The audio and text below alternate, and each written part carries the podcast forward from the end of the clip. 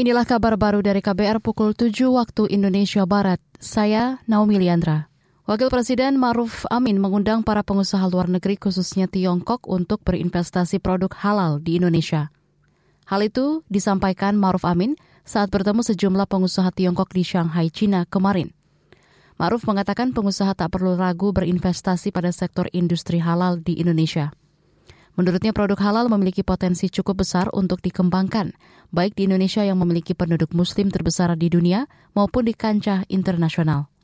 Karena pertama, uh, untuk konsumsi Indonesia sendiri itu sudah cukup besar sebagai negara dengan populasi penduduk muslim terbesar di dunia, 230 juta. Dan kemudian juga untuk diekspor ke berbagai negara dan kalau dihasilkan dari Indonesia produknya akan lebih dipercaya lagi untuk di umat Islam di dunia.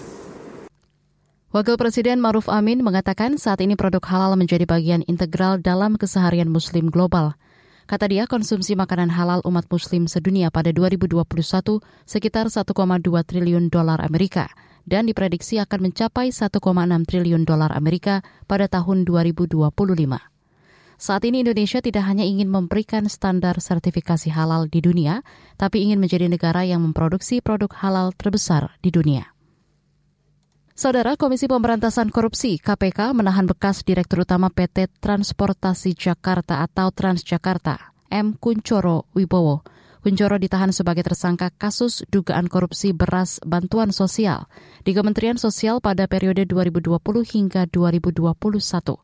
Penahanan dilakukan Senin kemarin. Direktur Penyidikan KPK, Asep Guntur, mengatakan Kunchoro Wibowo ditahan selama 20 hari pertama hingga 7 Oktober mendatang. Kunchoro merupakan tersangka ke-6 dalam kasus ini. Seluruh tersangka telah ditahan KPK. Pada saat kasus korupsi terjadi, Kuncoro menjabat Direktur PT Bandagara Reksa atau PT BGR. Perusahaan ini ditunjuk Kementerian Sosial untuk menyalurkan beras bansos. Kasus ini diperkirakan merugikan negara lebih dari 127 miliar rupiah.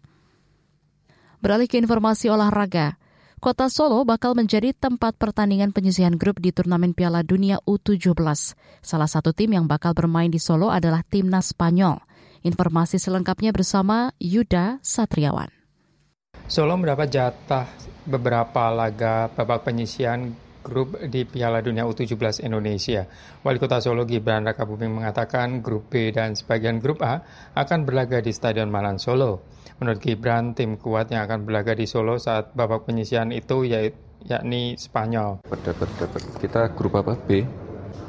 Semifinal, final, semua dapat quarter final, dapat semua ya enak kita kan yang klub besar yang main di Solo apa ya Spanyol lebih lanjut, Gibran menyatakan kembali kesiapannya venue dan fasilitas Piala Dunia U17 di Solo. Gibran tidak mempermasalahkan timnas Indonesia U17 yang berada di grup A tidak bertanding di Solo saat babak penyisian grup. Stadion Manan akan menjadi venue grup B Piala Dunia U17 2023 mendatang yang berisikan timnas Spanyol, Kanada, Mali, dan Uzbekistan. Dari Solo, Jawa Tengah, Yuda Satirawan, KBR. Saudara demikian kabar baru dari KBR. Saya Naomi Liandra.